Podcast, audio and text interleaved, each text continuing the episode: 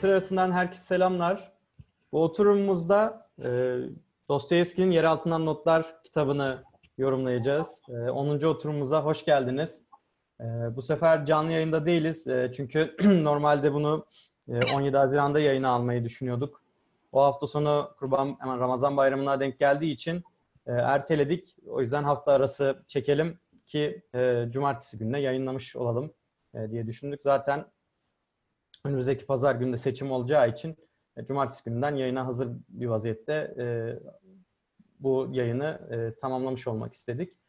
E, bu kitabı aslında e, zaten bizim seyircilerimizden, takipçilerimizden de gelen bir öneri üzerine e, seçmiştik. E, şey daha sanırım önermişti. Aynı zamanda e, Kitap Tetkik Grubu da kitabı 17 Haziran'da yapacaktı. Sanırım yaptılar. E, çok takip edemedim e, bayram dolayısıyla.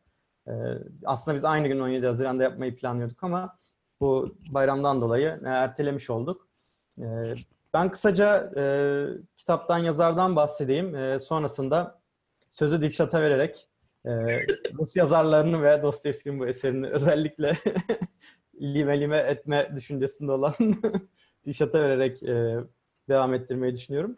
E, Dostoyevski e, 1821 yılında doğmuş ve 1881 yılında e, ölmüş bir e, roman yazarı. E, hatta e, birçoğu tarafından, birçok e, edebiyatçı tarafından en büyük roman yazarlarından biri olarak görünen bir yazar.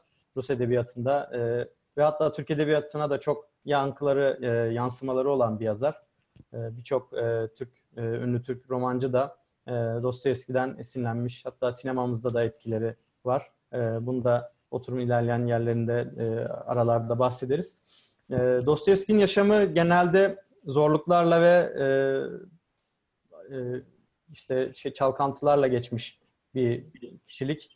E, bir doktorun e, oğlu, e, sarhoş ve şiddete meyilli bir doktorun. Annesi de bir e, veremli, hastalıklı bir e, kadın.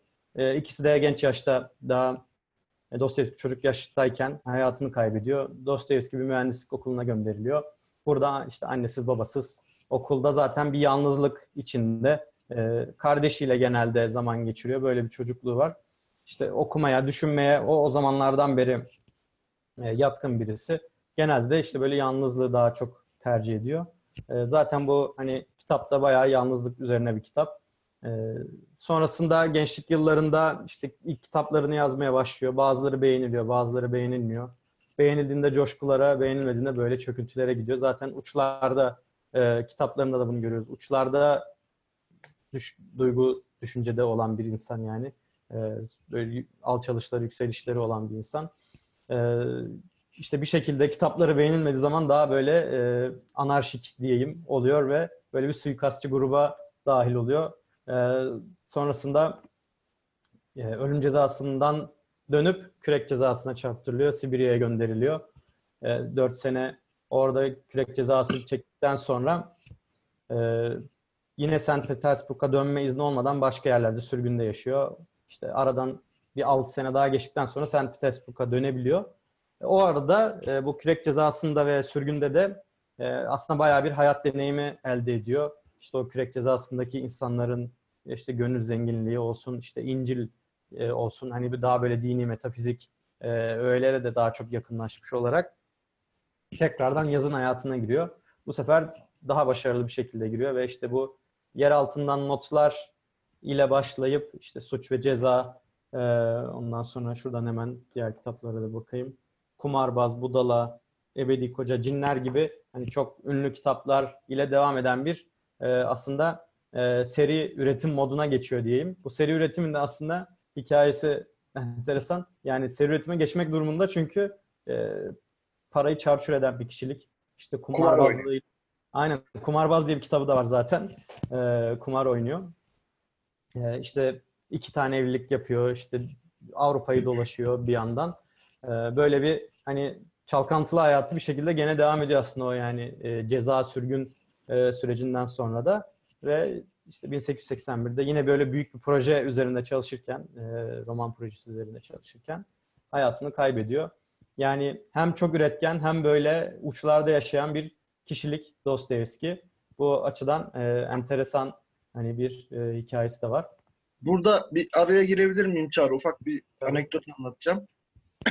Tolstoy'la aralarında Tolstoy'un bilmediği bir husumet var. Yani e, Tolstoy'u sevmiyor. Şundan dolayı sevmiyor. Aynı yayın, evi, aynı yayın eviyle çalışıyorlar.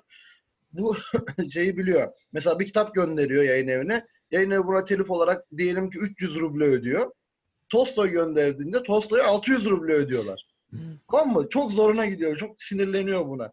Sonra hatta bunlara mektup yazıyor. Bana 300 ruble ödüyorsunuz. Tolstoy'a niye 600 ruble ödüyorsunuz?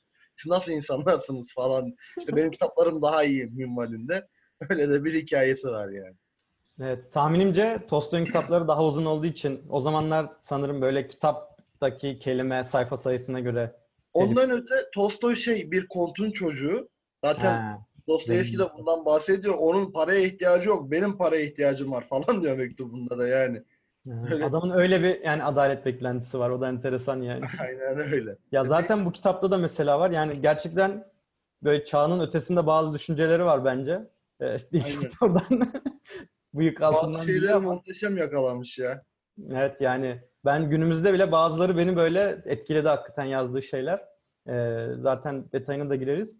Ee, Dişat'a aktarmadan önce bir de kitabın yapısını kısaca özetleyeyim. E, kitap iki bölümden oluşuyor. İlk bölüm Yeraltı. Ee, burada e, 40'lı yaşlarında e, işte önceden memurluk yapmış sonra işte bir uzaktan akrabasından bir miras kaldıktan sonra işi gücü bırakıp böyle St. Petersburg'da bir köşede bir küçük ücra bir evde yaşayıp yani kendisi buna yeraltı diye adlandırıyor. Bir yer altında e, yaşayıp e, orada böyle düşüncelerini işte e, yaşantısıyla ilgili ufak tefek anılarını anlattığı bir bölüm. E, çoğunlukla düşünceler burada var yani çok anı da yok aslında böyle uf- anılarla ilgili ufak tefek cümleler var. Onun, ondan sonra böyle düşünceler birbiri ardına geliyor. İşte kendisiyle konuşuyor arada böyle ya da işte okuruyla konuşuyor. Yani böyle bir e, şey havası da var aslında bir e, manifesto havası da var. E, zaten benim okuduğum iletişim yayınları baskısında da Orhan Pamuk'un bir ön sözü var. Orhan Pamuk da ondan bahsetmiş. E, yani bu kitabın ilk bölümü işte Dostoyevski'nin daha sonra yazacağı kitaplara hani kitapların e, felsefesini biraz daha işte o düşüncesel boyutunu anlatıyor diye de e, not düşmüş Orhan Pamuk.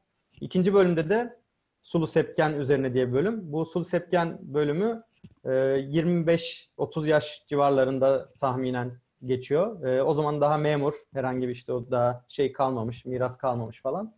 E, orada işte memurken eski okulundan arkadaşlarıyla, işte sokakta e, denk geldiği insanlarla, işte ofisteki, bürodaki amiriyle, işte evdeki uşağıyla olan ilişkiler üzerine e, yine böyle olay kurgusu olup ama aynı zamanda e, yine düşüncesel kısımlar yani yine arada böyle e, kendi içindeki konuşmalarında e, gördüğümüz, duyduğumuz bir e, bölüm. Bu bölümde ama okuyucuya seslenmiyor genelde. Kendi içinde konuşuyor ve işte şey olaylarda zaten diyaloglar var. Bu şekilde ilerleyen bir kitap. E, Ben Şimdi- bir, bir kere bir kere daha araya girmek istiyorum dişat salvolarına başlamadan. Biraz da bilerek yapıyorum ki böyle iyice hırslansın. Zaman geçtikçe dişleri gıcırdasın. Ee, üçümüz de kitabı ilk defa farklı yayın evlerinden okuduk. Benimkisi İş Bankası. evet, ya. Sarıda iletişim var. Dişat sendeki Can. evet, Evet, enteresan, enteresan, olmuş. bir şey olmuş.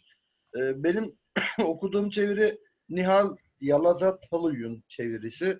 Bu kadın çok meşhur bir Rusça çevirmendir. Şeyden zaten Cumhuriyet'in ilk yıllarında Hasan Ali Yücel'in bu klasikler serisini herkes bilir, takipçilerimiz bilir. Bu Cumhuriyet tarihinin en önemli edebi çalışmalarından biridir. Tüm klasikleri böyle, tüm değil de hani bir seçkiyi peyderpey çevirtmiştir Hasan Ali Yücel. Zaten zamanın Milli Eğitim Bakanı'dır. Marif Vekili o zamanki ismiyle. Ee, bir bunu söyleyecektim. Bir de şimdi kitabın arkasında Çağrı da az önce bahsetti. Şeyden bahseder. Dostoyevski'nin aldığı cezadan bahseder. Bunu biraz açmak istiyorum. Dostoyevski yargılanıyor, idama mahkum ediliyor ve idam sırasını bekliyor. İdam sırasını bekliyor dediğim mesela ertesi sabah Şafak'ta idam edilecek, kurşuna dizilecek. Sabah oluyor, gün doğuyor filan böyle işte zindanın penceresinden. Bu artık şey bekliyor ya, alacaklar, götürecekler, vuracaklar.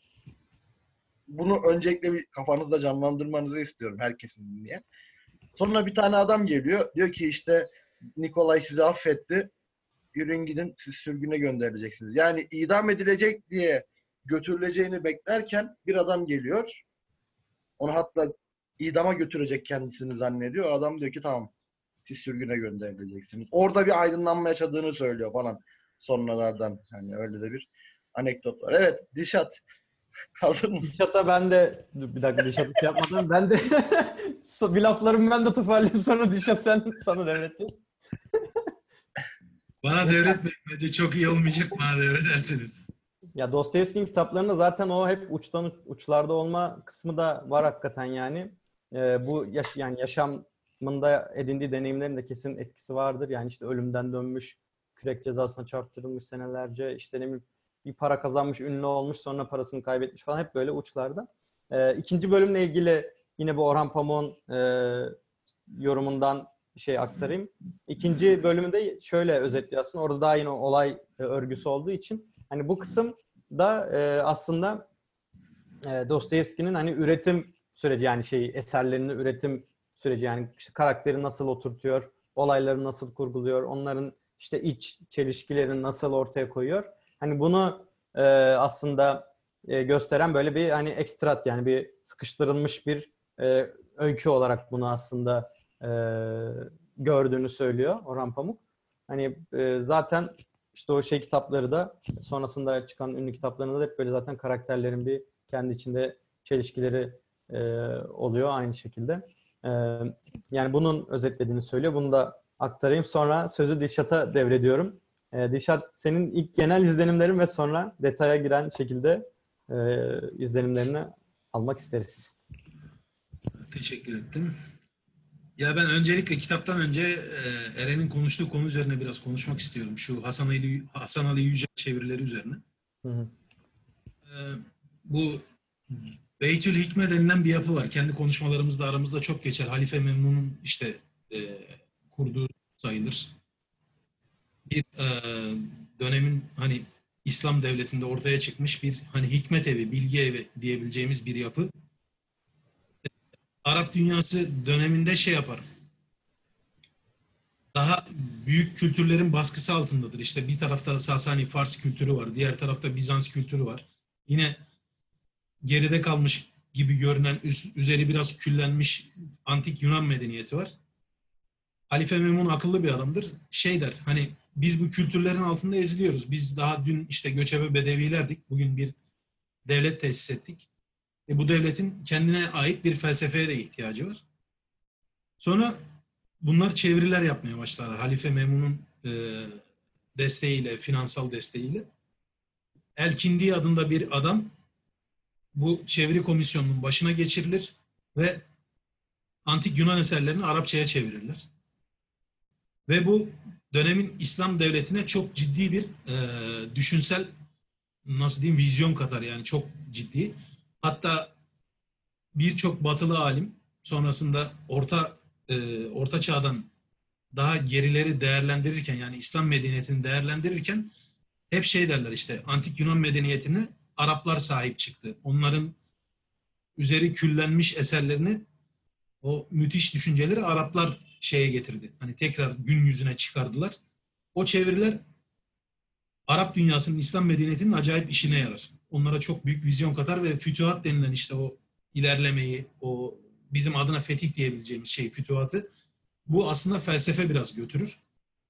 Bu yüzden e, ben mesela bu hareketi her zaman çok beğenirim. Hasan Ali, Yücel çevirileri de bana hep o durumu hatırlatır. Hani genç cumhuriyet işte e, kendi şeyini terk etmiş. Yazı sistemini, alfabe sistemini terk etmiş. Latin alfabesine geçmiş. Kendini oluşturmaya çalışan, yoktan var etmeye çalışan genç cumhuriyet Hasan Ali Yücel, Marif Vekili Hasan Ali Yücel'le böyle bir e, çalışma içerisine girer. Dünyanın edebiyat anlamında, felsefe anlamında klasikleşmiş eserlerini Türkçe'ye kazandırmaya çalışırlar. Atatürk buna elinden geldiğince ön ayak olur, destek olur. Bunu ben Hasan Ali Yücel serisine özellikle çok böyle nasıl önemli buluyorum. Ee, Genç Cumhuriyet'in belki de ortaya koyduğu hani düşünsel anlamda, felsefi anlamda en önemli işlerden birisi Hasan Ali Yücel çevirileridir. O felsefi kitapların, o edebiyat kitaplarının dünyanın o klasikleşmiş e, kültür varlığının Türkçe'ye kazandırılması çabasıdır. O yüzden buradan yani hem Genç Cumhuriyet'in kurucusu işte Atatürk hem de Hasan Ali Yücel'e ve bu çevirileri yapan bütün insanlara ve İş Bankası'na, İş Bankası yayınlarına sonsuz hani bir Türk olarak sonsuz teşekkürlerimi iletirim. Çok bence çok değerli bir çaba. Tabii dönemimizde belki çok algılanmıyordur ya da insanlar üzerine basmıyordur ama hani bu konuya özellikle parmak basmak istedim. O yüzden tekrar söylüyorum. Belki de Genç Cumhuriyet'in en önemli çabalarından birisidir. Umarım eee, devam eder. Hasan Ali Yücel'e benzer çalışmalar, öyle diyeyim yani çevirilerine benzer çalışmalar. Kitaba gelirsek. Eee, bizi tanıyanlar yani takip edenler biliyor. Ben Rus edebiyatından zerre kadar hoşlanmıyorum. İklimlerinin, coğrafyalarının konuya çok dahil olduğunu düşünüyorum. Yani hani hoşlanmamamın sebebinde. Çünkü ben sıcak iklimde büyüdüm. Rus edebiyatı e, soğuk iklimin eseri. Dolayısıyla karamsar eserler üretiyor çoğu zaman. Bu kitabı elime aldığımda e, sevmeyeceğimi biliyordum. Birkaç not düştüm işte girişine. Tabii bize Eren'in kız arkadaşı Şeyda tarafından ve işte birkaç diğer takipçimiz tarafından önerilmişti.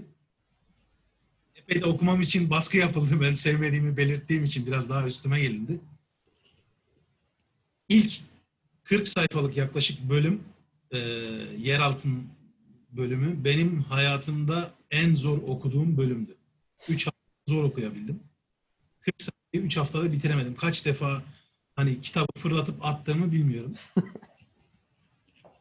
yani içimi kararttı. Çok kötüydü. Yani Hezeyanlar bölümü.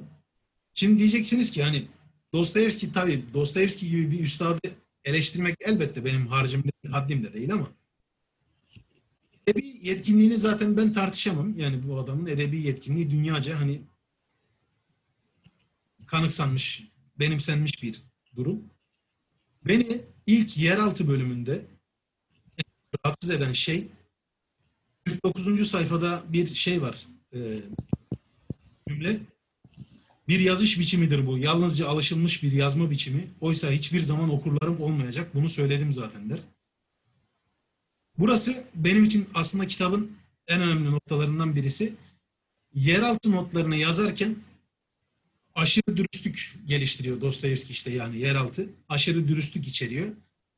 Bir e, varoluşçu bir metin aslında. Birçok varoluşçu fels yani filozofa da şey oluyor. Nasıl diyeyim? Manuel gibi, el kitabı gibi bir şey oluyor aslında. Önden bir e, hepsi etkiliyor. Camus'u etkiliyor, Sartre'ı etkiliyor. Varoluşun hezeyanını yansıtıyor. Çok iyi. Çok iyi kelimelerle oynuyor. Ama bu kitabın hani e, karakter üzerinden verilen o insanın kötü olmasına, insanın ikircikli olmasına, ahlaksız olmasına dair verilen mesajlardan daha çok beni rahatsız eden yazarın yani Dostoyevski'nin satır arasında aslında e, çok beğenilme isteğinin olduğunu bir türlü bunu o beğenilme isteğini o tatmin edemeyişiydi. Beni çok rahatsız etti bunu görmek. Yani o kadar aşırı dürüstlük, dürüstlük içeriyor kitap. Ama bunu bir türlü ifade edemiyor. Hani bunu bir türlü hem kitapta hem kendini ifade edemiyor. İşte okurlarım olmayacak diyor. Ya okurlarının olacağını gayet iyi biliyor aslında. Yani üzerine o kadar çok şey söyleyebilirim. O kadar çok sıkıldım ki bu kitabı okurken. Evet 50 sayfa beğenilir. insanlar tarafından beğenilir. Varoluşçu bir metin. Çok insanın hani var olmanın dayanılmaz hafifliği değil, var olmanın dayanılmaz ağırlığını anlatan bir metin. Ee,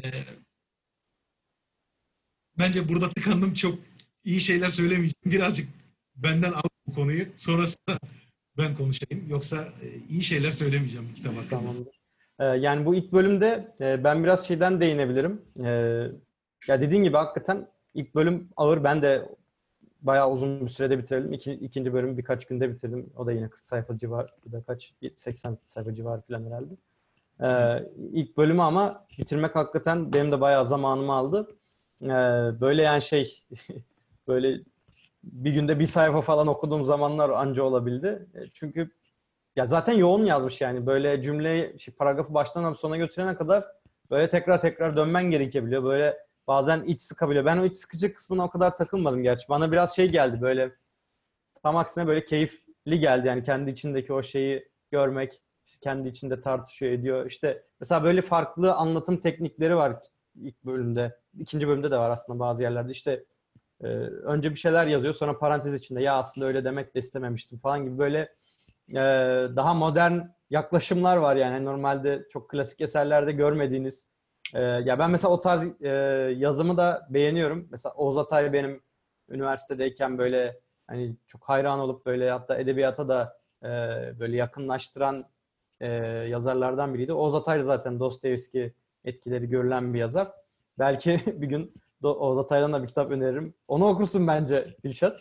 Ee, Oğuz Atay da mesela bu tarz teknikleri çok kullanıyor. Yani zaten o daha da böyle postmoderne falan kayacak şeyler yapıyor. Ama Dostoyevski'de de bunları gör- görmek e, beni şey yaptı yani böyle e, vay be dedim Dostoyevski de böyle hani bu tarz e, değişik teknikler kullanmış burada. E, şeye geleceğim. E, bu Orhan Pamuk'un yine ön sözünde de bahsediyor. Avrupa'nın işte e, bu e, pozitivizmi, işte determinizmi, buna yönelik e, Rusların hayranlığı, yani bizde de aslında Türkiye'de var. Yani Avrupa'nın e, işte periferinde böyle yakınlarında olan e, ülkelerin Avrupa'ya karşı olan işte özentiliği diyeyim ona karşı ya ondan bir şeyler böyle almaya işte Avrupalı gibi görünmeye çalışan aydınlar hani falan onlardan aslında böyle bayağı bir onları e, biraz e, şey yapıyor yerin dibine sokuyor biraz yani aslında bunları yazarken hani o şeyden e, çıkmamız lazım bizim daha Rus olmamız lazım gibi aslında bir e, tonu da var e, bu yazdıklarında. E, hatta ba- bazen öyle mertebe getiriyor ki işte 2 artı 2 yani 4 etmesi çok sıkıcı bir şeydir yani hani bu, bu ne 2 falan hani işte 2 artı 2 5 ederse benim için hani bir şey var e, anlamı var falan gibi böyle hani e, işte matematik fizik yani böyle temel bilimlere karşı bile bazen şeyi oluyor e, karşı çıkışı oluyor bir duruşu oluyor. Yani bunlar tamam bunlar gerçektir ama eğer biz kendimizi bunlara adarsak hani o zaman da hani insanlığın nasıl bir tadı zevki kalır? Yani insan dediğin zaten e, rasyonel bir varlık değildir. Hani o kadar da ya getiriyor. E, bu mesela şeyleri düşündürdü hep bana. Mesela ekonomi teorisinde şey vardır özellikle bu e, kapitalist ekonomi teorisinde işte Adam Smith'te falan e, insanlar rasyonel varlıklardır ekonomik olarak diye bir e, şey vardır varsayım üzerinden bazı şeyler kurulur. İşte rekabettir, fiyat, işte arz taleptir bunlara göre oluşur diye işte şeyler vardır, e, aksiyonlar vardır değil. ama ama öyle olmuyor yani. Mesela bu açıdan yani Dostoyevski'nin yazdığı bana hakikaten ya biz insanlık olarak e, her şey belli bile olsa işte bizim 100 yıl sonramız bile şu andan öngörülebilir hale gelse bile biz ona karşı çıkmak için bir şeyler kesin yaparız diye şeyleri var mesela. O zaman bile yazmış hani böyle matematik, fen, bilim ilerlese böyle işte cetvellere düşülse bizim geleceğimiz. Hani şu an konuştuğumuz konular o zamandan daha yani hiç böyle e, o kadar da ileri bilim yokken hani bu burada bundan bahsediyor işte. Muhtemelen o dönemde şey vardı böyle bilime bir açlık tam işte sanayi devrimi sonrası tüm e, Avrupa şahlanıyor ekonomik olarak. Rusya muhtemelen geride kalıyor.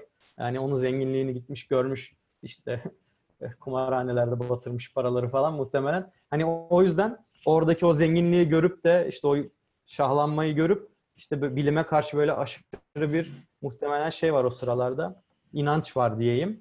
Ee, bu bilim olan inancı daha o günlerden yani bilim tam böyle şey olurken böyle inanılmaz gücünü arttırırken e, orada hani karşı çıkma durumu var. Yani şeye getiriyor hatta bazı yerlerde kadercilik gibi bir şey olur diyor yani hani e, bu bilim bizim böyle geleceğimizi tahmin ederse hani irade mi kalır o zaman diyor. Yani hani böyle Ya felsefi biraz konulara da çatışması oluyor evet.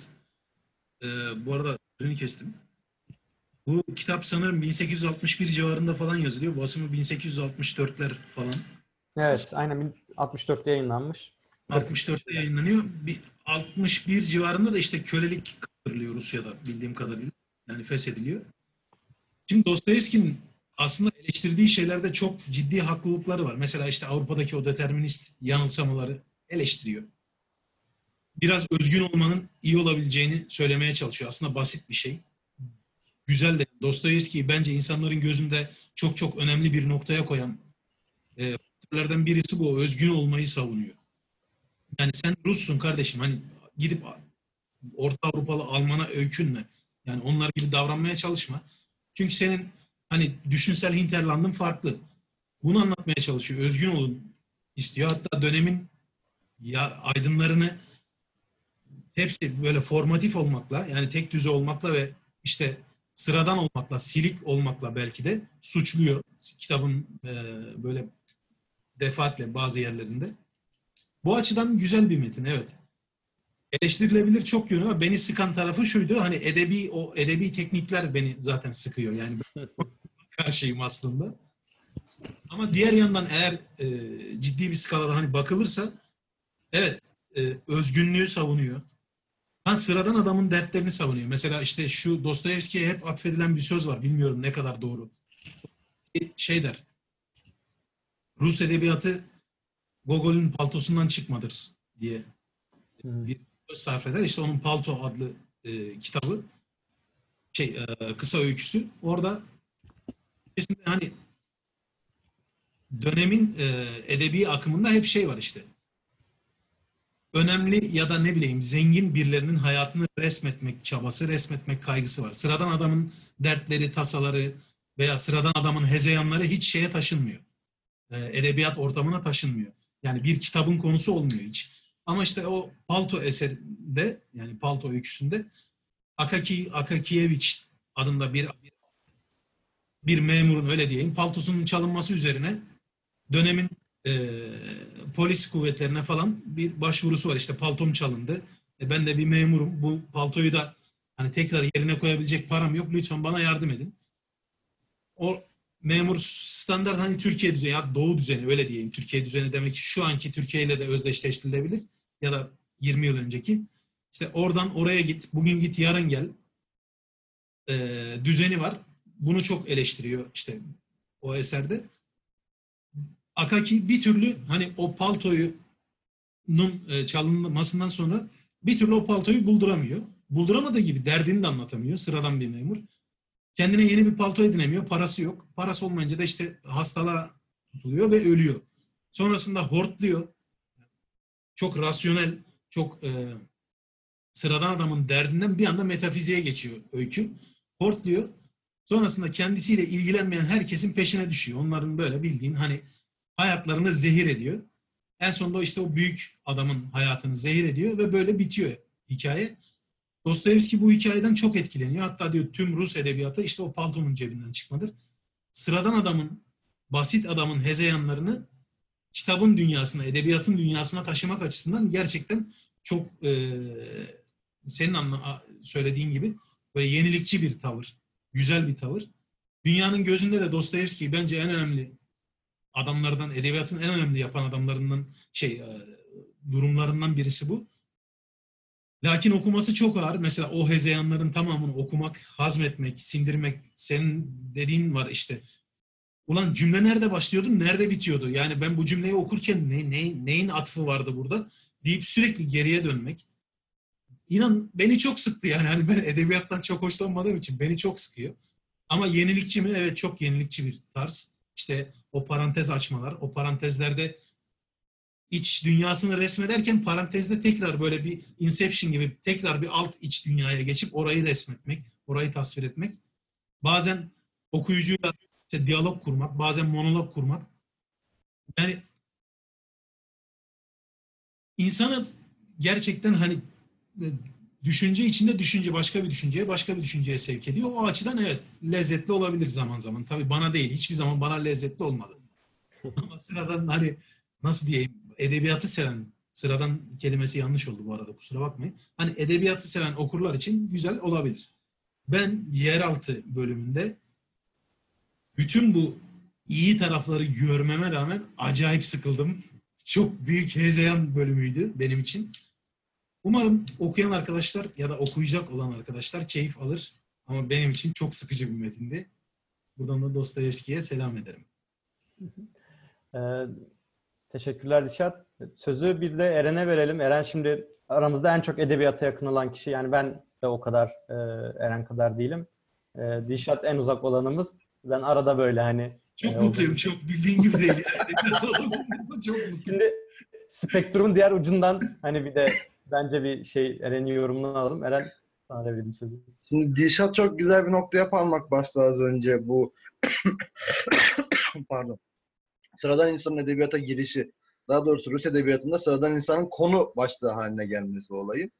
Ben bunu biraz toplumsal şeylerle, e, durumlarla aslında birlikte incelemek gerektiğini düşünüyorum. Şimdi üç tane yazar var. Ben az önce ikisini not aldım. Üçüncüyü de şimdi hatırladım. Bunlar dönemdaştır. Turgenev, Tolstoy ve Dostoyevski. Şimdi Turgenev biraz daha muhafazakardır ve Çarlık tarafındadır işin. Çarlıkla Rusya'nın büyük olacağına inanır. Tolstoy zaten asilzadelerin çocuğudur ama Tolstoy pek bu işlere bulaşmaz. Yani ben işte şuncuyum, buncuyum gibisinden çok insanların derdine bakar. Dostoyevski de az önce bahsettiğimiz gibi biraz daha isyankar, devrimci tarafındadır mevzunun. Şimdi bu üçünün Rus edebiyat sahnesine hızlı bir şekilde girmesiyle benzer dönemlerde 1850'ler, 60'lar, işte 70'ler özellikle. Bu girişten sonra insanlarda daha farklı bir algı oluşmaya başlıyor. Bu algı da şu, yani sıradan insanın çektiği şeyler. Mesela Turgenev Dumanı'nda bir aşk hikayesi anlatır. Onda da sıradan insanlara anlatır. Ve onların acılarını, hazlarını anlatır. Biraz daha siyasalına dokunmadan. Çünkü dediğim gibi Cumhuriyet şey, muhafazakar taraftadır. Ee, Tolstoy dirilişinde Katyusha Ma- Maslova adında bir hayat kadınına isnat edilen bir cinayeti anlatır ve onun yaşadıklarını. İşte Dostoyevski de Suç ve Ceza'da mesela ya da işte yer altından notlarında Raskolnikovlar falan bunların hepsi bildiğimiz şeyler, bilinen şeyler. Peki bunlar nereye vardı en nihayetinde? Bunlar şuraya vardı. 1914'e vardı. Pardon 17'ye vardı. Önce Menşevik sonra Bolşevik devrimine vardı. Yani edebiyat aslında şöyle bir özelliğe haizdir. Toplumların anlatı vasıtasıyla gidecekleri yeri gösterir biraz da. Yani gösterir derken tahmin eder. Çünkü sıradan insanları anlatmaya başlıyorlar. Bunların bir derdi var ki bu anlatılmaya başlıyor ve bu dert birike birike birike en son bir devrime dönüşüyor ve Sovyetler Birliği kuruluyor. Ha bu da yine yanlış anlaşılmasın Sovyetler Birliği'ni övdüğümden falan değil. Sadece bu bir gerçek, tarihsel bir sekansı, bir sürece anlatmak istedim. Şimdi kitaba özeline geri döndüğümüz takdirde ben Dostoyevski'nin zaten çok korkunç büyük bir yazar olduğunu düşünüyorum. Yani insan ol, insan olarak karşıma gelse arkadaş olmam. Çünkü pis bir adam. Ciddi söylüyorum bunu. Net pis bir adam. Kapıya bastırılacak adam değil yani. Eşeğe sokulacak adam değil ya. ben Evet. var ya evin avlusundan içeri almam. Avlu kapısından içeri sokmam. Yani yok ben avlu kapısından alırım. Karşılıklı otururuz birer yani bir şeyler içeriz. Ben birer onunla bir vodka devirmek isterim ama ne? Ne oldu? Onu da mı istemiyorsun? Hani diyor ya evladım olsa sevmem diye. Evladım olsa sevmem ya. Ama arkadaş olmak istemem. Çünkü pis adam ya borç ister. Bilmem ne yapar. Yani geri vermez. Kumara götürür falan. Kumara götürür, kumarda yer parayı. Parayı bir de karıda kızda da yer. Kumarda da yer. Bir de ondan Tabii. sonra mektup yazar. Biraz belki e, muhafazakar arkadaşlar hoşlanmayacak ama efendim bir 10 bin lira bahşedilirse hayatım çok iyi olur falan diye böyle. Aa, o- o- oraya oraya girelim mi? Neyse girmeyelim girmeyelim yok e, muhafazakar arkadaşları üzmeyelim. Peki. Çok benzerlikler görüyorum ya yani hani şey bu bağlamda. Yok. Şimdi bir dakika. Yalnız ben burada bir araya girmek istiyorum. Yani Tost şey Dostoyevski pek çok şey olabilir ama hiçbir zaman bir e, yalaka Evet, olmamıştır. İktidar yalakası olmadı. İktidar yalakası asla olmamıştır. Yani kendi sözünün arkasında duran, onunla yaptıklarından dolayı az önce bahsettiğimiz gibi idama kadar gitmekte bir çekince görmeyen, işte hapis cezaları alan falan filan. Yoksa az önce bahsettiğin kürekçi arkadaşın, kü- kü- kürekçi arkadaşın e, zamanında devlet büyüklerine yazdığı mektuplar, efendim şu ana kadar, şu ana kadar şu kadar para verdiniz. Biraz daha bir tık daha böyle bir ittirseniz Ya. çok Dostoyevski haksızlık yapmayayım yani evet o dediğim hani isyankar tavrı hayatı boyunca sürüyor. Ben aslında biraz e, şeyden hani Schopenhauer dediler ya işte para kazanmak için yazmayın. Para Ama parası için- var onun zaten. Evet, onun öyle bir parası var evet. Ama hani şu kumarbaz romanı mesela Dostoyevski'nin işte kapanıp çıt çıt çıt yazıp ondan sonra kumar borçlarını ödediği yani biraz e, biraz da eleştirilmeyi hak etmiyorum. Tamam büyük abi edebiyatın ağ babası eyvallah. Yani buna bir sözümüz yok. Zaten bizim gibi hani baldırı çıplak heriflerin eleştireceği tarzda bir adam değil de. Yine de bileyim acık hani alıp okuyoruz ya. Biraz da elektrik yahu yani ne var bunda? Eleştirelim canım. Ya bak ben sana ne diyorum? Arkadaş ol- olmazdım yani. Hani adam önünün arkasından konuşturuyorsun beni şu anda. Adam Ya inan mezarların- içinden geçenleri bilse yattığı yerden ayaklanır böyle ama işte Allah'tan bilmiyor yani. Ya şimdi ya bak bence şu- bu pardon Bir- şey böldüm. bir Ya bu bence şey konusu. itki konusu yani hani bazısını ya atıyorum Schopenhauer kendi kendine oturduğu yerde düşünebiliyor. Onu itkileyen kendi içinden ama belki Dostoyevski o para ihtiyacı şey yaptı yani hani dürttü. Yani bir dış baskı gerekebiliyor bazı insanlarda. E, tabii. Yani Şimdi öyle görmek lazım biraz. yazar kişileri zaten Çağrı az önce bahsetti ya hani çalkantılı bir şahıs falan gitgelleri falan var diye. Muhtemelen bipolar hastasıydı Dostoyevski. Ben de öyle. Yani Yani öyle düşünüyorum. hastalığı varmış zaten epilepsi. Hani krizleri. Ha, epilepsisi var ama hani psikolojik olarak da bipolar hastası olduğunu düşünüyorum. Ya da manik depresif. O zamanlar öyle bir teşhis olmadığı için tabii ilaç falan da olmadığı için kimse bunu bilememiş. Yazarların değişik olayları olur. Hani tripleri olur öyle söyleyeyim. Bu da şununla alakalı ego gittikçe şişiyor ya işte efendim beni şu kadar insan okuyor. Beni takip ediyorlar. Ben tanınan biriyim falan filan gibi triplerle belli bir yerden sonra. Ya bundan kaçınan yazarlar da var. Mesela Süskind'di galiba. Koku. Ee, adam hayatı boyunca bir tane bile röportaj vermemiş. Bir tane bile yok. Yani arayana yok diyor. Ondan sonra şey Çavdar tarlasında Salinger. Salinger da belli bir yaştan sonra biliyorsunuz inzivaya çekiliyor ve Çavdar tarlasındaki çocuklardan başka bir tane bile kitap yazmıyor. Ya da yazdıysa bile tabi o zamana kadar öyküleri vesaireleri var. Bu, bu arada onunla ilgili çok güzel bir film var. Ee, yani edebiyatla ilgilenen arkadaşlara benim önerebileceğim çok güzel filmler var. Ee, Genius diye bir film var mesela şeyin ne oldu güldün? Edebiyatla ilgilenen arkadaşlara dedim benlik bir şey yokmuş. Hak ettim. Ge- Genius diye bir film var. Ee, neydi o adamın adı ya? Türkçe'ye çevrilmedi kitapları. Neden bilmiyorum. Neyse az sonra aklıma gelir. Söylerim. Bir de yer altından notları konuşuyoruz ya. Zeki Demirkubuz'un yönettiği Yeraltı diye bir film var. Bu kitabı anlatır. Bu Sulu Sepken bölümüne biz daha girmedik ama Sulu Sepken bölümündeki özellikle o mevzuları anlatıyor. Onunla biraz değişik bir kitaptır. Tavsiye edebiliriz. Neyse ben bir toparlayayım hemen. Az önce aldığım notlara bakıyorum. Bu kitapta benim en çok hoşuma giden kısım insanın hani bilgi ve birikimleri arttıkça iyi bir yani daha iyiye gitmeyeceğini savunması Dostoyevski'nin.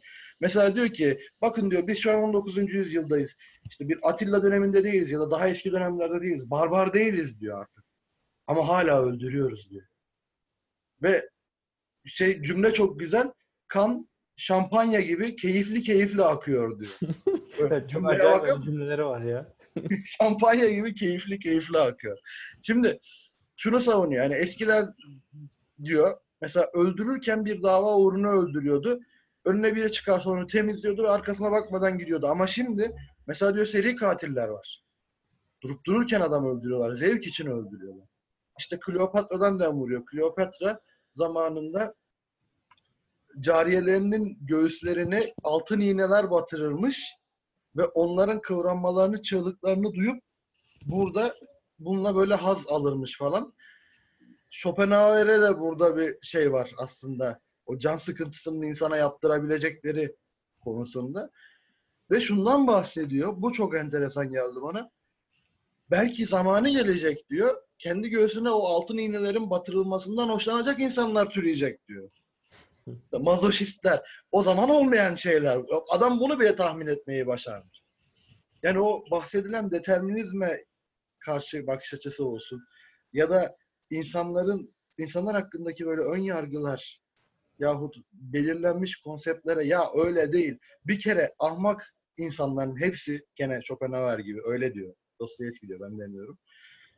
Ve diyor bir insan kendine nasıl saygı duyabilir? Bu cümle de benim çok hoşuma gitti. Aklı yerinde olan bir insan kendine nasıl saygı duyabilir diyor. Şimdi oturdum düşündüm bunu okuduktan sonra. Ne demek lan şimdi diyor. Neyse şimdi buraya kadar böyle keseyim ben de. Teşekkürler Eren. Ee, evet yani ilk bölümde hakikaten herkesi farklı bir düşünceye sürükleyecek bir sürü cümle var. O açıdan yani işte atıyorum bu altında böyle 10-15 tane alt bölüm var. 10 tane falan galiba. Her bir alt bölümde böyle hani otur bunun üzerine hakikaten e, çok farklı düşüncelere gidebilirsin. Farklı yerlere çekebilirsin. Ee, öyle Bu arada yoğun biz- bir bölüm. Eren'le aynı yere dikkat etmişiz. Onu araya gireceğim ama bu Atilla ve Stenka Razin'den bahsediyor. Evet. Bir pasaj var. Hoşuma gitti benim. Oranın altını çizmişim. Aynı yere dikkat ettiğimizi fark ettim de. Fark ettiniz mi acaba en zayıf kan dökücülerin hemen hepsi en uygar beyefendilerdir. Bütün o Atilla'ların, Stenka Razin'lerin e, Razin'lerin yanında onların adı pek söz edilmiyorsa bu özellikle onlara fazlasıyla rastlanılmasından çağımız, çağımızda fazlasıyla olağan olmalarından ve çok sık görülmelerindendir diyor.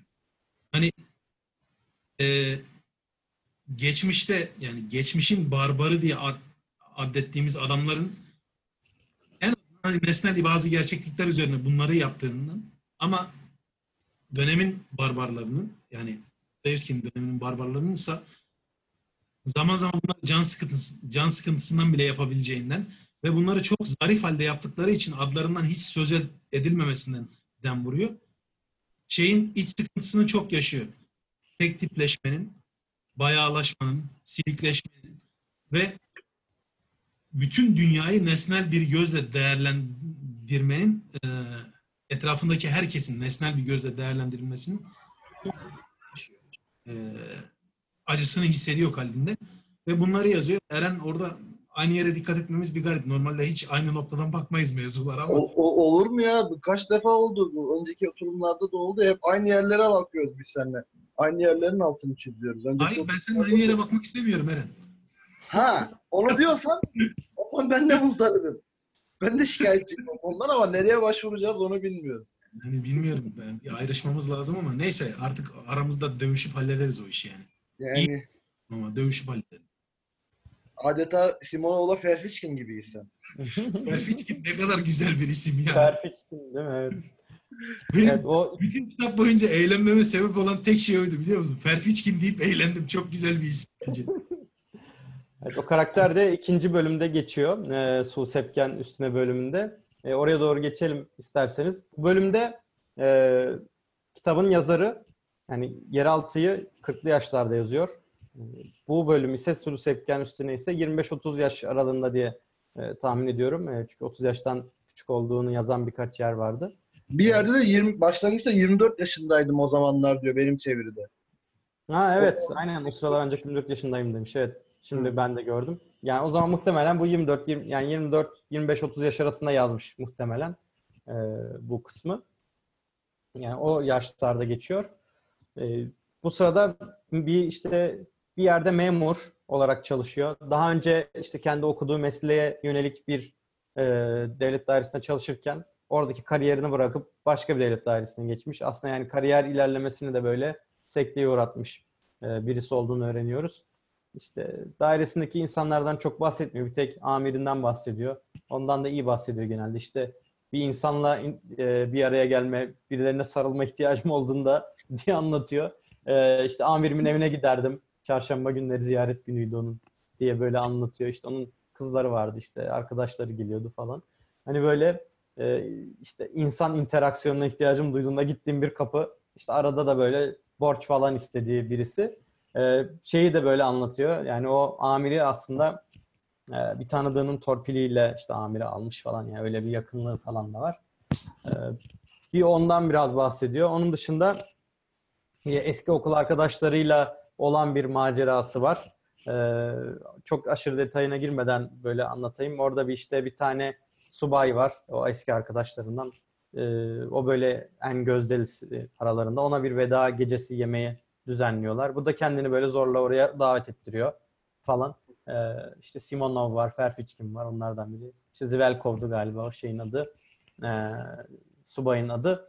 Ee, işte orada yiyorlar, içiyorlar. Burada bizim işte karakter garip garip işte tavırlara giriyor. Kendi içinde böyle e, düşüncelere dalıyor. Arada bunlara çıkışıyor, konuşuyor falan. Bir ara bunlara işte düelloya davet edecek oluyor falan. Bunu umursamıyorlar. Yani böyle sürekli bir eziliyor bir yandan da ve kendince bir tiratlar atıyor. Ee, yani bununla dalga geçiyorlar bildiğin yani hani. Böyle hani edebi edebi laflar ediyor falan böyle. Yüce güzel ve yüce şeylerden de bahsetti oluyor bazen. Ee, hani böyle e, kendince böyle bazen saçmalama mertebesine varacak kadar konuşuyor. E, sarhoş oluyor filan. Sonrasında da bunları gene takip ediyor. Bunu işte ekiyorlar. İşte böyle bir genel ev gibi bir yere gidiyorlar ama gittiğinde bulamıyor. İşte orada bir e, bir kızla tanışıyor işte orada çalışan genel evde. İşte bir hayat kadın daha yeni olmuş, daha genç bir kız.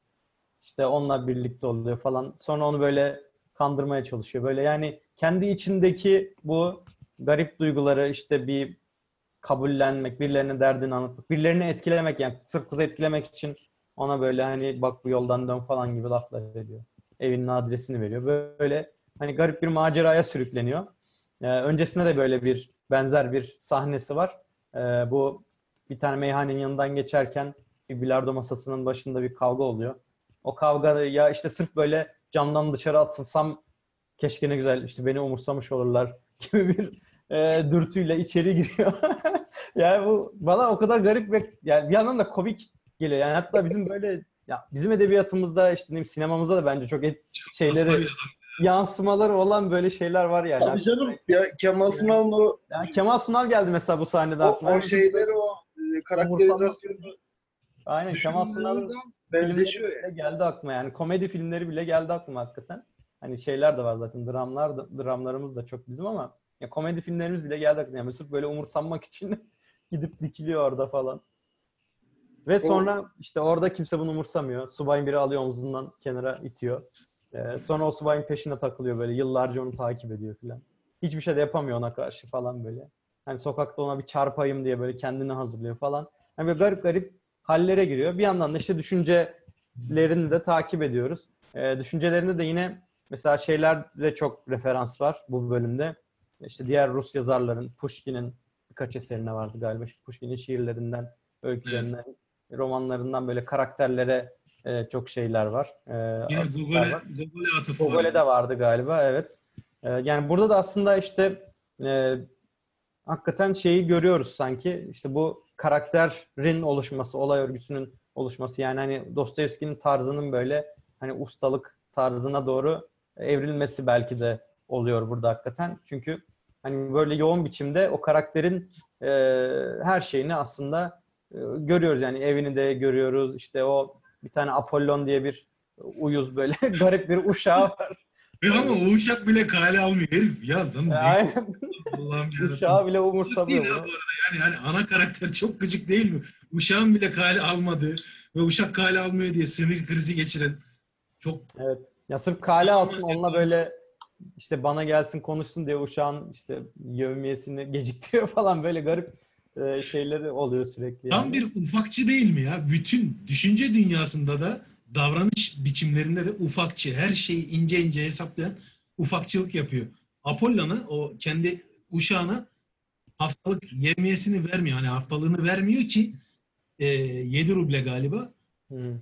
de benden istesin ağzı. Aylık aylık galiba 7 ruble aylıktı galiba. Aylık parası. Tam hatırlayamadım. Yani Ben- gelsin de bana ağız eğsin. Parasını Adam sana niye ağız eğsin? Kendi emeğinin karşılığını alacak değil mi? Yok böyle onun ağız eğmesini istiyor. Hani vermeyeyim de parayı. Onu bir süründüreyim falan diye.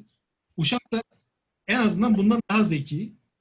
Sadece gelip işte evde mesela bunun odasının kapısını açıp anlamsız bir zamanda buna gözlerini dikip uzun uzun bakıyor. Bunu rahatsız ediyor. Yani mobbingi bulmuş uşak. Ama ters yönlü işliyor mobbing. Yani patronun çalışanına değil çalışanın patronuna yaptığı bir mobbing. Zaten e, kitabın sonlarına doğru o hayat kadını olan Liza evdeyken Uşak yine böyle buna gözlerini dikiyor. Pardon Liza eve gelmeden hemen önce bu da sinir krizi falan geçiriyor işte o hayat kadının önünde. Sonra kendisini affetmiyor bu yüzden falan. Ne kadar ufakçı, ne kadar böcek yani. Özendim diyor.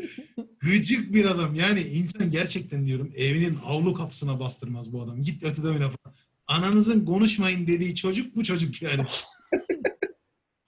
Ya ama bu ufakçı diyorsun ya. Ya bir yandan da e, aslında e, temelde birçok insanın içinde olan bir şey. Yani böyle bir şeyleri düşünürsün.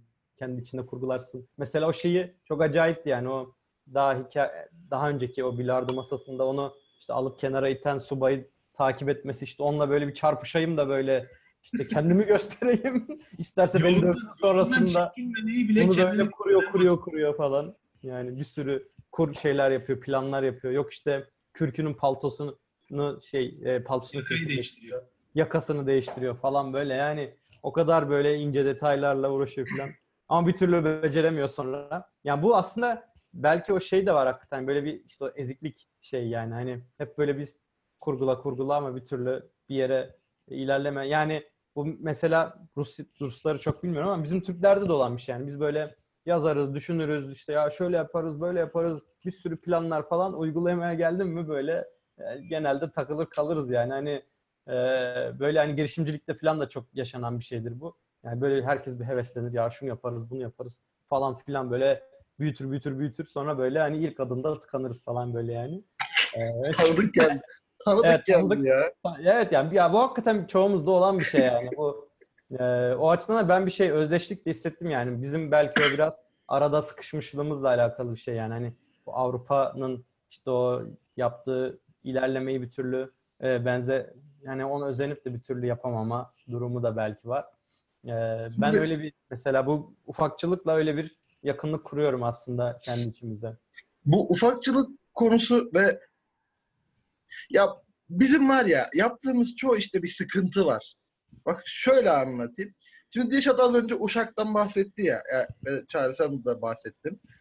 Şimdi bu Uşak'ın yaptığı mobbing falan filan bu aslında bir kitaptan şeydir. e, nasıl diyeyim? Esinlenilmiştir. Hangi kitap? Ivan Gonçarov'un Oblomov'undan.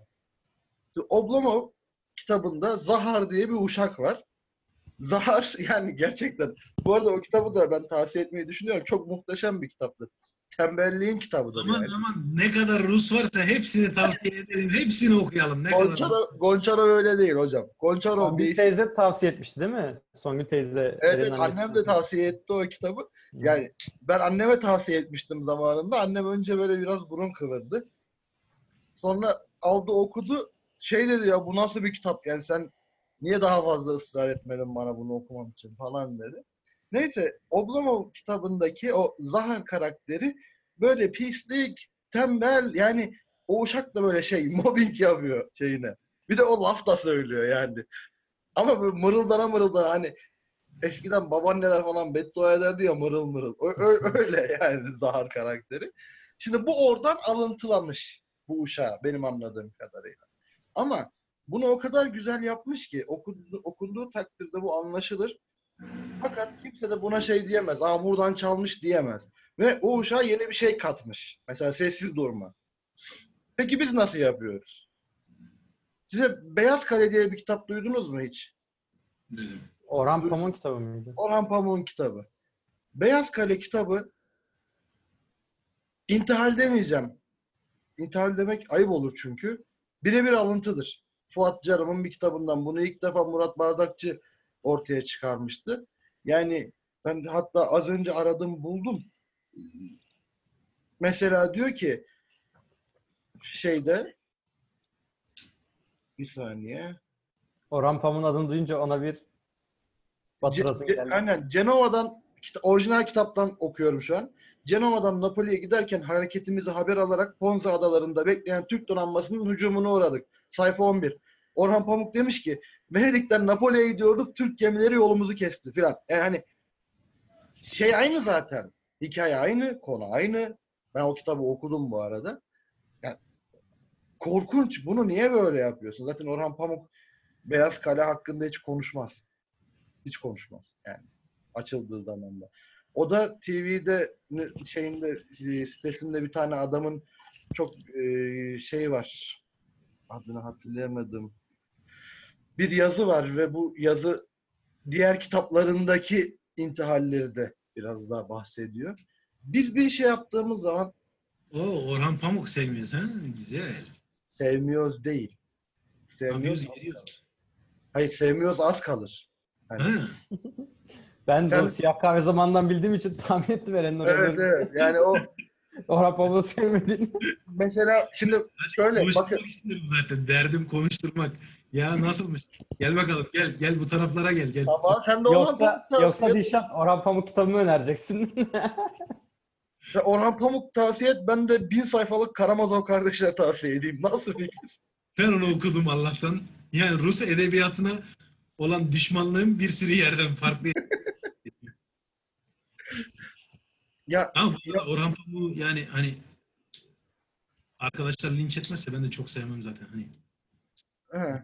ben Yani- okumadım. O yüzden çok yorum yani bir yorum yapamam. ben okudum. Çok okudum ve yok yani. Hani yok. Neyse.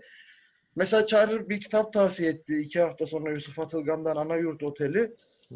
Ben Anayurt Oteli'ni okumadım. Aylak Adam'ı okudum. Mesela Aylak Adam da biraz şeydir. Çok güzel bir kitaptır. Alıntılanmış bir kitaptır. Yani esinlenilmiş bir kitaptır. İşte biraz yabancıdan, biraz şuradan, biraz buradan yani toplanmış metinler arası denir buna edebiyatta. Ama o çok özgün bir kitaptır. Orhan Pamuk için söylediğimi asla Yusuf Atılgan için söyleyemem. Çok başarılı bir yazardır. Anayurt Oteli'ni de muhtemelen beğeneceğimi düşünüyorum. Onun da filmi yapılmıştı yanılmıyorsam. Galiba evet. Filmini ben izlemedim ama kitabı Ben okudum. de izlemedim. Yani bana bayağı orijinal gelmişti yani 1900 kaç 40'lı 50'li yıllarda falan yazılmış. 40'lı yıllar olması lazım. Evet, yani yani o yıllar için bana bayağı şey geldi yani. Öyle bir Türk Edebiyatı'nda öyle başka bir kitap var mı bilmiyorum o yıllarda yazılmış. Sonunda. Çağrı'yı da şu girişimci adamı da kendi edebi dünyana çektin ya ne diyeyim sana adam ya. Adam ne güzel Matt Ridley falan öneriyordu. Böyle girişimcilikle ilgili, ekonomiyle, dünya dünya meseleleriyle ilgili şeyler. Gittik. Döneceğim döneceğim. e, Edebiyat hepinizi alacağım. dışına döneceğim geri ya. Şey Ya şimdi belki bir Mahfiye Eğilmez falan önerebilirim yani evet, evet. Oralara döneceğim ben de. Buyurun, Eren Bey. Lütfen çekinmeyin. Yalnız Ça- Çağrı'nın şöyle bir mevzu var. Siyah kahve dedi ya az önce siyahkahve.com zamanında Çağrı da epey yazılar yazardı ha. Benden daha fazla edebiyatla ilgiliydi o zamanlar. Yani terk etmiş. Yolu bulmuş demek ki artık. Ne? Ya roman yazmaya kadar gidemedim ama işte kısa hikayeler, ufak tefek şeyler yazdım. sen doğru zamanda çekilememişsin mevzudan yani. Bütün sorun bu. Şeyden, Yok ben çekilmem ben. Burada burada sevgili e, rahmetli andığımız Hasan Ali Yücel de- dediği gibi bunu okumak istiyorum. Bu arada Dilşat'ın az önce bahsettiği o e, Hasan Ali Yücel'in klasikler se- çeviriler serisinde hepsinde aynı ön söz vardır. 41 yılında yazılmış. Orada şunu söyler. E, hümanizma ruhunun ilk anlayış ve duyuş merhalesi insan varlığının en müşahhas şekilde ifadesi olan sanat eserlerinin benim, benimsenmesiyle başlar. Yani diyor ki insan olacaksanız, insan olmak istiyorsanız sanatla ilgileneceksiniz. Özetliyorum. Sonra diyor ki sanat şubeleri içinde edebiyat bu ifadenin zihin unsurları en zengin olanıdır. Ben demiyorum. Hasan Ali Yücel diyor. yani e, bunun içindir ki bir milletin diğer milletler edebiyatını kendi dilinde, daha doğrusu kendi idrakinde tekrar etmesi, zeka ve anlama kudretini o eserlerin nispetinde arttırması, canlandırması ve yeniden yaratmasıdır. yani bunu özellikle okumak istedim. Bu ön sözün tamamını da herkese tavsiye ederim. Çok 41 yılında yazılmış olmasına rağmen çok kapsayıcı, geçerliliğini koruyan. Yani Hasan Yücel çok büyük adammış. Ee, onu Can Yücel'in de babası galiba. Can Yücel'in Evet, babasıdır. Babası. Aynen. Aynen öyle. içinde yatsın. Bizim mahallede de parkı var Hasan Ali Yücel. Evet, değil mi? Hasan Ali Yücel Parkı var Ankara'da. Yani dönemin dönemin çok ötesinde bir çaba, çok e, vizyoner bir çaba. Bu bütün klasiklerin çevrilmeye çalışması o genç cumhuriyet için müthiş ve çok vizyoner bir çaba. Tekrar tekrar hani kendilerinin ruhlarını şad edelim burada. Yad edelim, şad edelim. Evet. Ne diyordum ben? Ha, Bu arada edebiyatla ilgili söylediklerimin birçoğu latife olarak algılanırsa sevinirim. Zira hani Yo, ben çok ciddiye alıyorum. yani sen ciddiye alırsan çok problem olmaz. Sıkıntı değil. Seninle her dövüşür, anlaşırız da. Diğer takipçilerimiz de umarım yani yanlış anlamazlar. Birazcık latife mevzusu. Ama sıkılmıyor değil Allah var. Yani şimdi Rus edebiyatı da sıkıcı abi. Yani çok sıkıcı ya. Birçok Bu arada sıkıcı dedim de bir şey söyleyeceğim. Yüzüklerin Efendisi'ni okuyacağız mı? Yani ben nasıl yüzü güldü. Nasıl yüzü güldü. Ayda bire düşersek olur ya. ya ilk, vay, iki haftada okuyamam yani. Tabii bu şimdi biraz makaraya saracağım ama izleyicilerimiz artık e, şey yapsınlar. Yüzüklerin Efendisi bende hayranlık seviyesinde bir şey var. Hatta şöyle bir anım var. Benim lisedeki telefon rehberim, cep telefonundaki isimlerin hepsi Yüzüklerin Efendisi'nin Orta Dünya'nın ve daha öncesinin o evrendeki birer isimdi. Ha hatırladım evet ya. Yani telefon rehberini alıp eline bakanlar saçma sapan isimler görüyorlardı. Bunlar Sen de ele sardın değil mi kendin? A- Aynen ben de o, onu zaten yıllardır değişmeyen nickimdi. Urukai diye kaydedildiğimizi falan düşünsene ya. Yani s- Çağrı sen ne diye kaydettiydim ya? Bak unuttum şimdi. Vallahi 160 hatırlıyorum ama öyle yaptığını hatırlıyorum evet. Rehberinin öyle. 170 tane isim var ve ben böyle zaten tarihe de merakım var. Yüzüklerin Efendisi tarihini neredeyse ezbere bilirdim yani o külliyatı. Tüm kitapları bende vardı falan filan. Enteresandır. 7-8 defa okudum ben o 3 kitabı. Yüzüklerin Efendisi serisini. Hobbit, Silmarillion'u ayrıca onları da okudum. Fakat şimdi bende o 3 cilt yok. Yani yok o kitaplar benim kütüphanemde. Hani böyle de bir şey var ama o tek kitabı inşallah alacağım. Her seferinde alayım alayım diyorum unutuyorum. Ama bir gün biri önerirse ve bir aylık böyle bir süreçte onu belki özel bir oturum olarak. Üç kitabı birden mi? Tabii tabii ama bir Oo. ayda. Oo. Ya Ama Ya çok Ben belki de- ama bir Dur bir dakika gö- göstermek istiyorum bir saniye kulaklığı. hadi bakalım.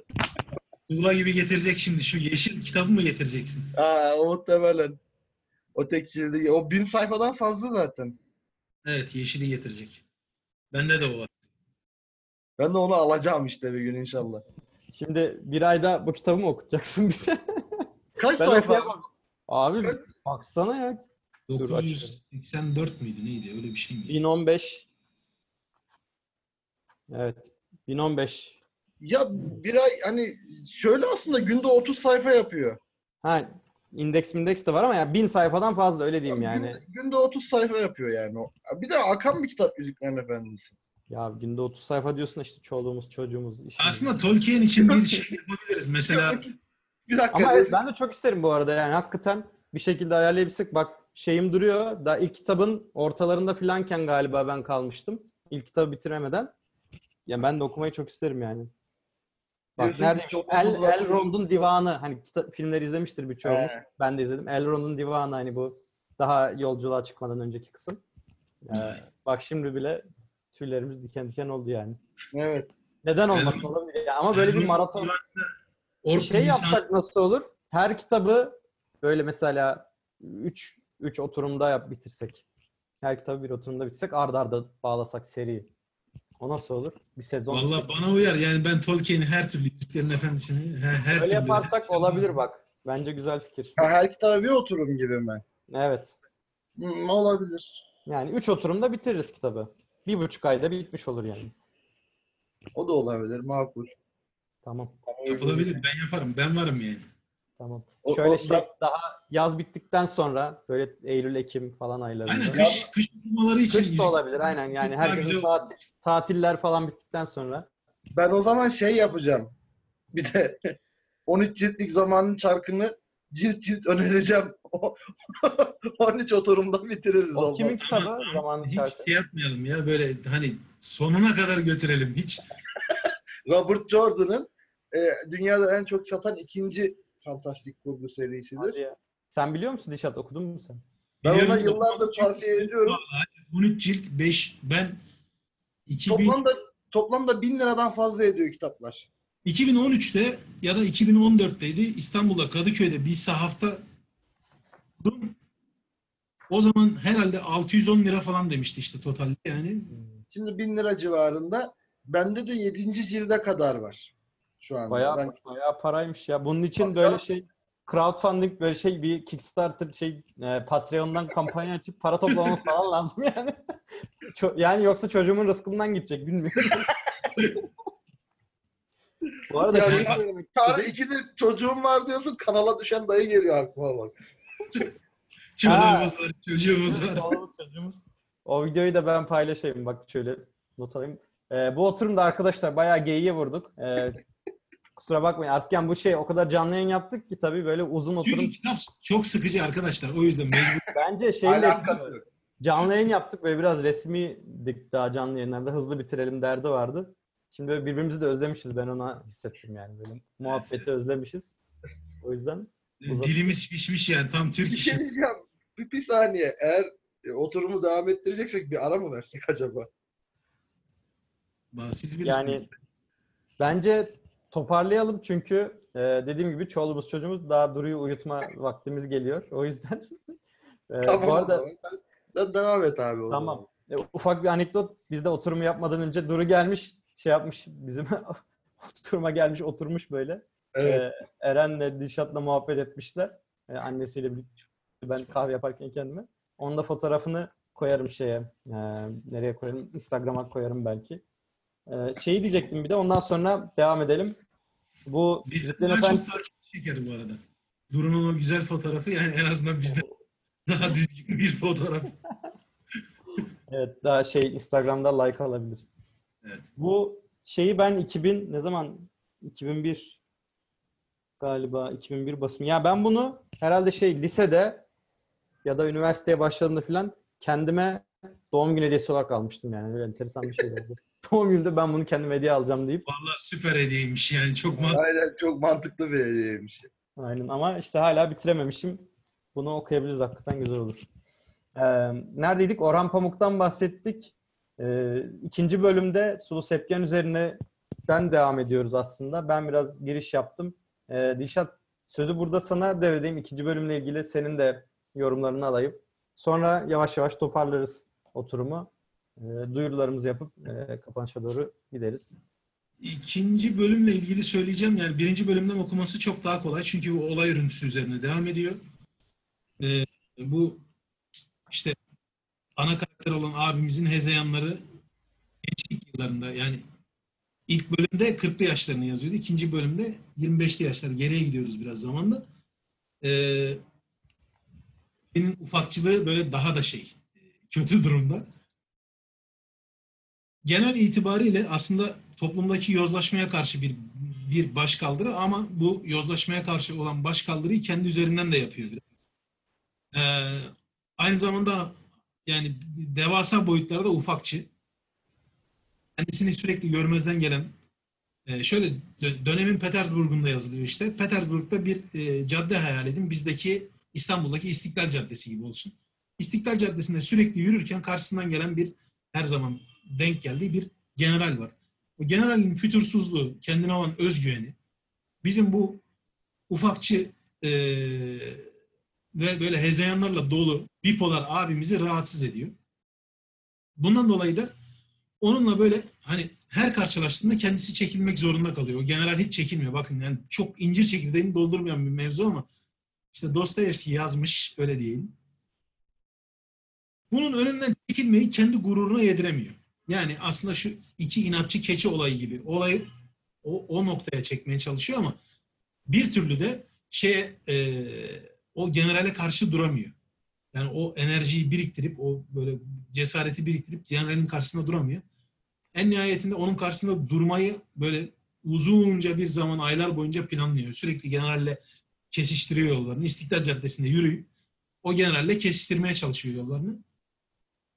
Ve e, bir kere olsun hani kale alınmak, birileri tarafından görünür olmak istiyor. Çünkü görünmez bir adam gibi yaşıyor hayatını. Sanırım işte e, o hezeyanlardan bir türlü kurtulamıyor. Bir keresinde çarpmaya niyetleniyor ama adam hiç oralı bile olmuyor yani. Hani çarpıyor ama omuz atıyor. Öyle değil. Omuz atma yani. Hani bizde insanların öldürüldüğü durum bu yüzden. Omuz atma, yan bakma yüzünden insanlar öldürülür ya. Onu yapmaya çalışıyor. Sonrasında işte bir bilardo masası sahnesi var. Orada böyle general bunu omzundan tutup böyle kenara koyuyor. Bir bardak gibi ne bileyim bir önünde duran bir ne bileyim testi gibi yani hani bir obje gibi.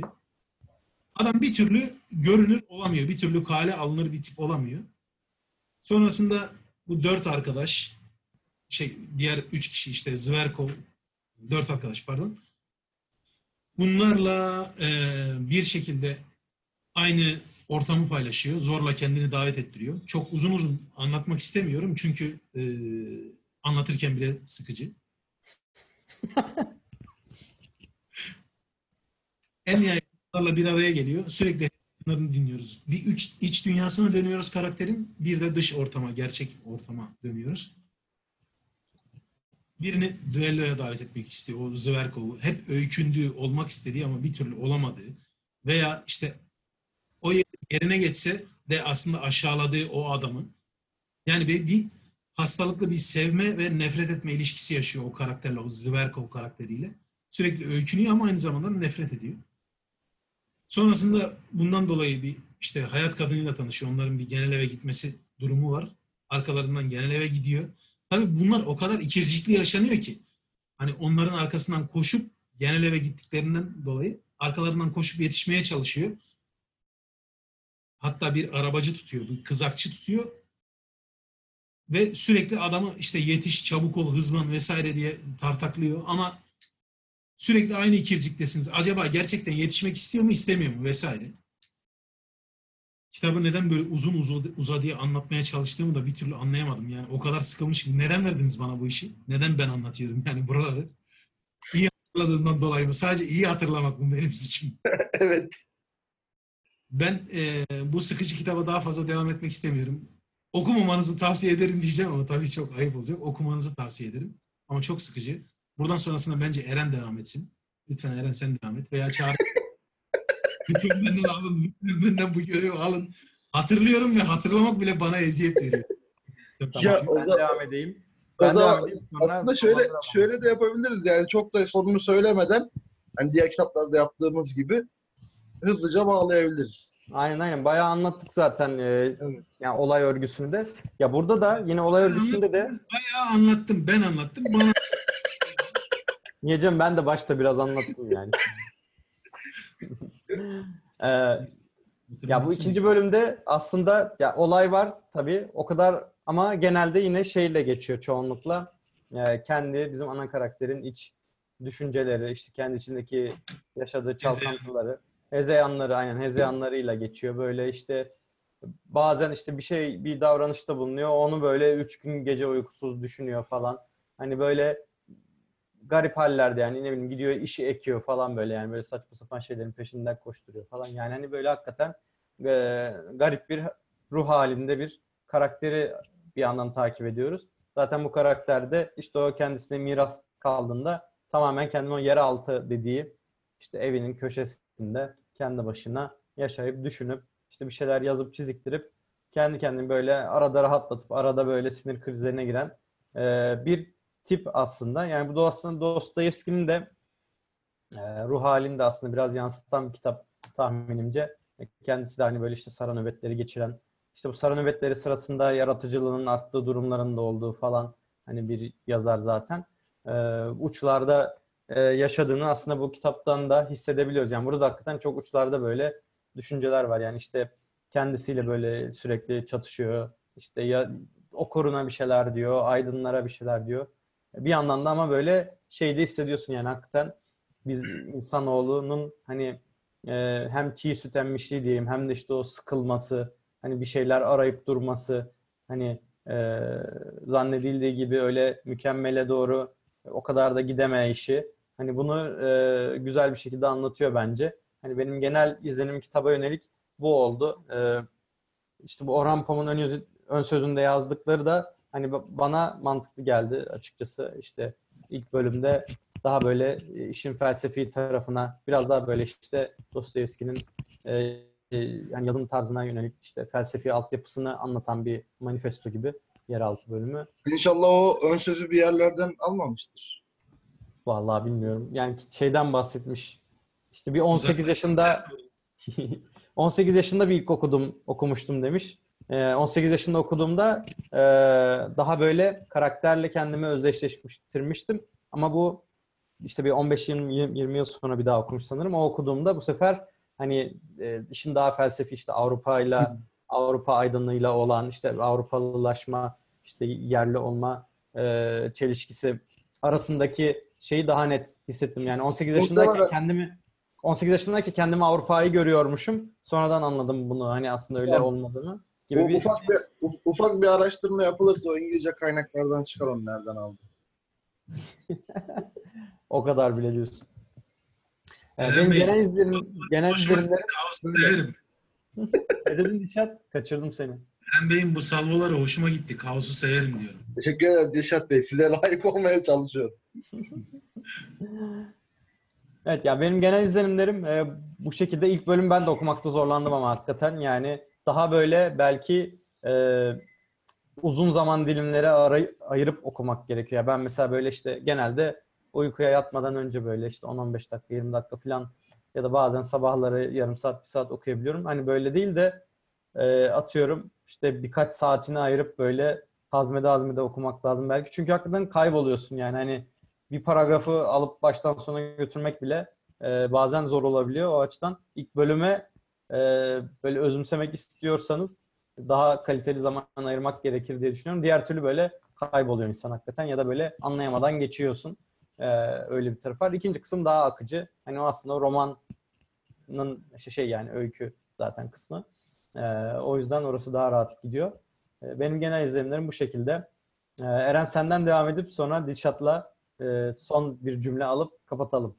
Ben zaten çok şey yapalım. anlattım, konuştum Dostoyevski'yi seviyorum. Ama yani dediğim gibi arkadaş olmazdım.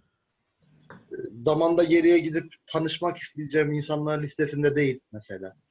Yani çünkü yazdıklarını okumak yeterli. Bazı insanlar böyledir bilirsiniz yani. İşleriyle kendilerini tanıtırlar. Hani derler ya işte zamanda geriye gidip biriyle buluşmak isteseydiniz ya da beş kişiyle kimler olurdu filan. Ben edebiyat sever bir insan olarak Dostoyevski ile buluşmak istemezdim yani onu söyleyeyim. Onun haricinde yani e, Türk edebiyatının Rus edebiyatından ya da Türk sinemasının Rus edebiyatından yine etkilerini konuştuk. Bunlar da güzel ufuk açıcı oldu diye düşünüyorum ben. Ben çok zaten seviyorum kendisini yani kitaplarını beğeniyorum. Tavsiye de ediyorum mutlaka. Şunu tekrardan üçüncü kere söylüyorum. Hasan Ali Yücel çevirilerini lütfen okuyun, okutun. Çok başarılı çeviriler, çok kaliteli çeviriler. Yani burada reklam yapmış gibi olacağım ama o serinin hepsi çok güzel. O Evet, o ön söz yazısını da bulursak internette bir yerde onu da paylaşırız. olur, iyi olur. Bulursak paylaşalım. Vardır muhakkak. Olmazsa ben fotoğrafını çekip göndereyim sana. Ha, olur. Tamam. Öyle yapalım. Benim de söyleyeceklerim bu kadar. İzlediğiniz, dinlediğiniz, takipçi olduğunuz için teşekkür ederim. Dilşat. Ay ya e, çok uzatmayacağım. Direkt söyleyeyim. Böylesi sıkıcı bir kitabı olabilecek en eğlenceli hale getirip size anlatmaya çalıştık. Yani ben önerir miyim? Önermem. Okur muyum? Eğer bana kalsaydı bin yıl aynı bu kitapla aynı odada kalsaydım yine okumazdım. Kendim yaşardım ama okumazdım. Ee, yine söylüyorum. Evet, edebiyat sever, Dostoyevski sever veya Rus edebiyatı sever arkadaşlar için çok güzel olabilir. Ee, ama ben tavsiye etmem, okumam. Ee, Dostoyevski ile arkadaş olur muydum? Eren'in o farazi şey e, nasıl diyeyim kurgusal sorusuna cevap vereyim. Evin kapısından içeri bastırmam. Yani olsa sevmem. Yani öyle bir arkadaşım olmaz zaten. Söyleyeceklerim bu kadar. Dediğim gibi bence eğer bizi dinlerseniz yani bana hak vereceksiniz böylesi sıkıcı bir kitabı olabildiğince en eğlenceli haliyle anlatmaya çalıştık. Okuyup kendinize eziyet etmek isterseniz buyurun hiç durmayın. Söyleyeceklerim bu kadar. Yani kimseye tavsiye Teşekkür ederiz Dilşat. Seni böyle daha e, şey yapacak, dinginleştirecek, huzur erdirecek kitaplar inşallah önümüzdeki oturumlarda seçerek seni biraz daha sakinleştireceğimizi ümit ediyorum. E, ben de şöyle bir e, son yorum yapayım. Bence de yani bu kitap e, belli amaç ya belli bir amaçla okuduğunda bence çok faydalı olabilir. İşte edebiyata ilgin varsa, işte bunu araştırmak istiyorsan, e, ne bileyim işte kendin yazar olmak istiyorsan falan o ya öyle bir niyetin varsa bence bir insanın kesin okunması gereken bir kitap. Hani nasıl böyle bir gelişim hani burada bir yazarın belki de şeyini görüyoruz yani işte olgunlaşmasını, gelişmesini işte hem düşünsel olarak hem de e, yazım hani teknik olarak e, nasıl geliştiğini hani kaç 150 sayfada hani bunu baştan sona okuyabiliyoruz. O açıdan böyle hani bir e, sıkıştırılmış bir metin gibi ben bunu görüyorum yani hani e, okuması hakikaten hazmetmesi özellikle ilk ilk kısmını yeraltı kısmını hazmetmesi kolay değil. Hani bir sürü böyle akımlardan falan da düşünsel akımlardan falan da bahsediyor. Yani bir, bir sürü yere atıflar var.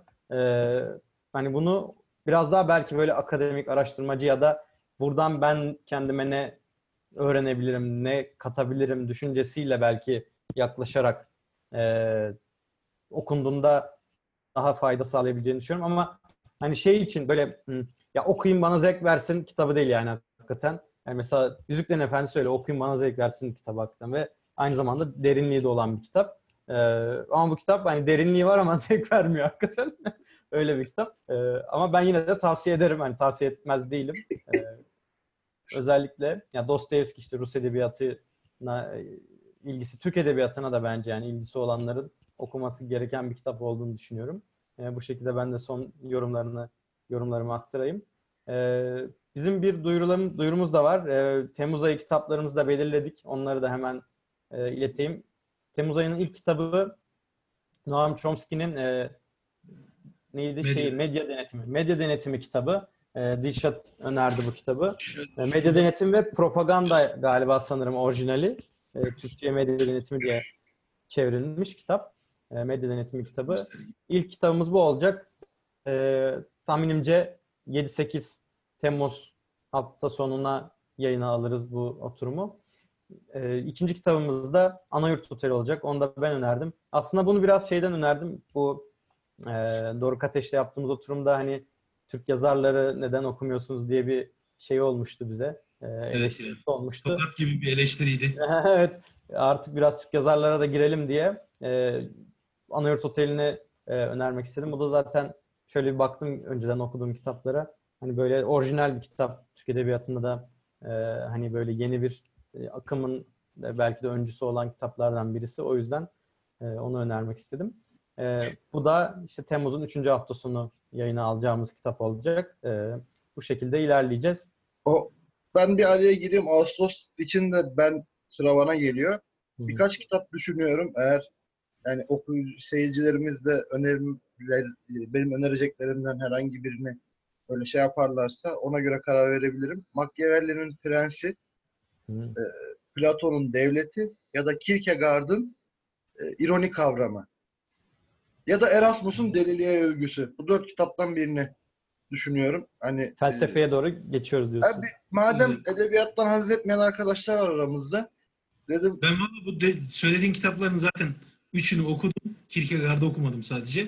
benim de ben de Kierkegaard ağır basıyor yalnız. Öyle de bir durum var yani. Ee, yani benim için değişik olabilir. Aynı zamanda çok da sevdiğim bir alan zaten benim felsefe. Hani şey yaparak, bağrıma basarak okurum, severek okurum. Ama diyorum yani işte Dostoyevski evladım olsa bağrıma basmam yani. Peki. Tamam, pardon Çağrı araya girdim de. Evet, teşekkürler. Yani aslında yani bu da bir, bizim için bir nevi duyuru oldu. Yani 3-4 tane e, ihtimalden birini muhtemelen seçeceksin gibi gözüküyor. E, Evet. İzleyen, takip eden arkadaşlar da hani önerilere yorumu olursa hani şunu yapın gibi bu dört kitaptan birine oy verirlerse belki onlardan birine biz de e, öne alırız. O şekilde bir katkısı olmuş olur. E, bizi dinlediğiniz için çok teşekkürler. Bu sefer yine biz eski formata biraz döndük. E, banttan yayın yaptığımız için hani eski deyimle, tabirle biraz daha böyle kendi samimi muhabbetimiz şeyinde ilerledik. Aralarda konulardan konulara atladık. Ama yani ne işte eldeki malzeme de öyle biraz aslında yani hakikaten bu kitapta o, o kadar konudan konuya atlıyor ki yani gündelik yaşama giriyor, oradan felsefeye giriyor, işte matematiğe giriyor, işte fiziğe giriyor. Yani hakikaten girip çıkmadığı mesele yok neredeyse. Ee, yoğun bir kitap. Öyle olunca biz de böyle daldan dala belki bizi atlattı yani bu kitapta. Ee, üzerinden yani şey değil böyle belli, belli bir yolu direkt takip etmekte zorlanabileceğiniz bir kitap. O yüzden daldan dala da atladık biz de. Ee, umarım e, sizi sıkmamışızdır. Keyifli geçmiştir sizler için de. Ee, bizi izlediğiniz için, dinlediğiniz için çok teşekkürler ederiz. Ee, bizi sosyal medyadan blogumuzdan takip edebilir, bize yorumlarda bulunabilirsiniz. Ee, Telegram grubumuza bekliyoruz her zaman. Orada e, daha derinlemesine tartışmalar da döndürüyoruz. Başka kitaplar hakkında da konuştuğumuz oluyor. Bazen işte bu önerilerimiz hakkında da konuştuğumuz oluyor. E, hatta önümüzdeki oturumlarda e, bizim bu Telegram grubundan ya da işte bize kitap öneren arkadaşlardan da konuk alma düşüncemiz de var aslında. Onlarla da iletişime geçmeyi düşünüyoruz. E, grupta da aynı şekilde katılmak isteyenler olursa her zaman bekleriz. E, bunun dışında dışarıdan da olabilir. Yine konuklarla belki yine yazarlar olabilir. E, daha böyle interaktif olmaya devam etmek de istiyoruz bir yandan. E, bizi izlediğiniz için, dinlediğiniz için tekrardan teşekkür ederiz. Görüşmek dileğiyle. Kitapla kalın. Kendinize iyi bakın.